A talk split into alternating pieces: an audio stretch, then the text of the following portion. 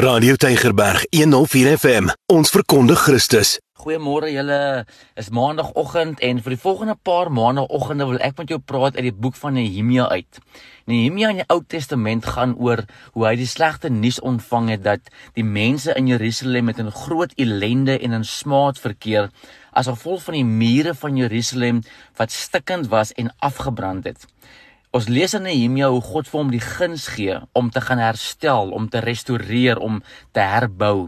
En ek wil vanoggend 'n amptelike aankondiging maak. Ek glo dit is waar ek en jy vandag is. Ons is in 'n seisoen van herbou, van herstel, van restaurasie.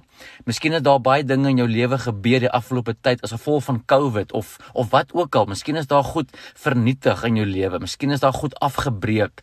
Jou drome, jou ideale, jou planne 'n Satan het gekom en COVID het gekom en klomp verskillende omstandighede en dinge is afgebreek in jou lewe. Nou by Nehemia leer ons so baie beginsels uit uh, uit die boek van Nehemia uit om te herstel en om te herbou.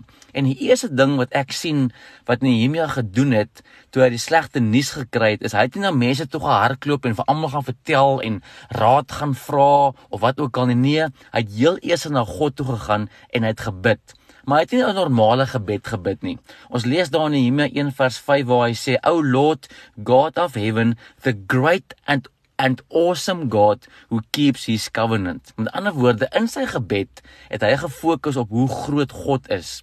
Wanneer ek en jy 'n challenge het, uh omstandighede het, ons finansies, ons huwelik of wat ook al, dan voel dit vir ons hierdie probleem is onmoontlik. Niks gaan dit verander nie. En hoe meer ons daarna kyk, hoe groter raak dit. Maar by Nehemia leer ons, hy het nie gefokus op hoe stukkend die muur van Jerusalem was nie. Hy het gefokus op hoe groot God is. En dis punt 1 wat ek en jy moet leer. Look at God's greatness. Onthou wie God is. Moenie fokus op hoe stukkend jou huwelik is of jou verhouding met jou kinders of jou finansies of jou drome of jou besigheid. Miskien is dinge baie bad in jou lewe. Vanoggend wil ek jou herinner wat Nehemia gedoen het voor hy nog die muur gaan herbou het. Hy het tot God gebid en hy het homself herinner hoe groot God is. Dis presies wat met Dawid en Goliat gebeur het. Almal was te bang vir Goliat omdat hulle gefokus het op hoe groot Goliat is, maar Dawid het gefokus op hoe groot God is en daarom het hy kans gesien om Goliat te verslaan.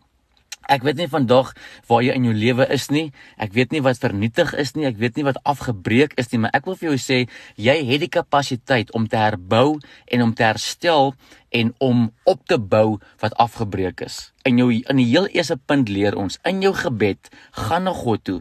Praat met hom, maar moenie fokus op hoe groot jou probleem is nie, maar fokus eerder op hoe groot God is. Radio Tygerberg 104 FM. Ons verkondig Christus.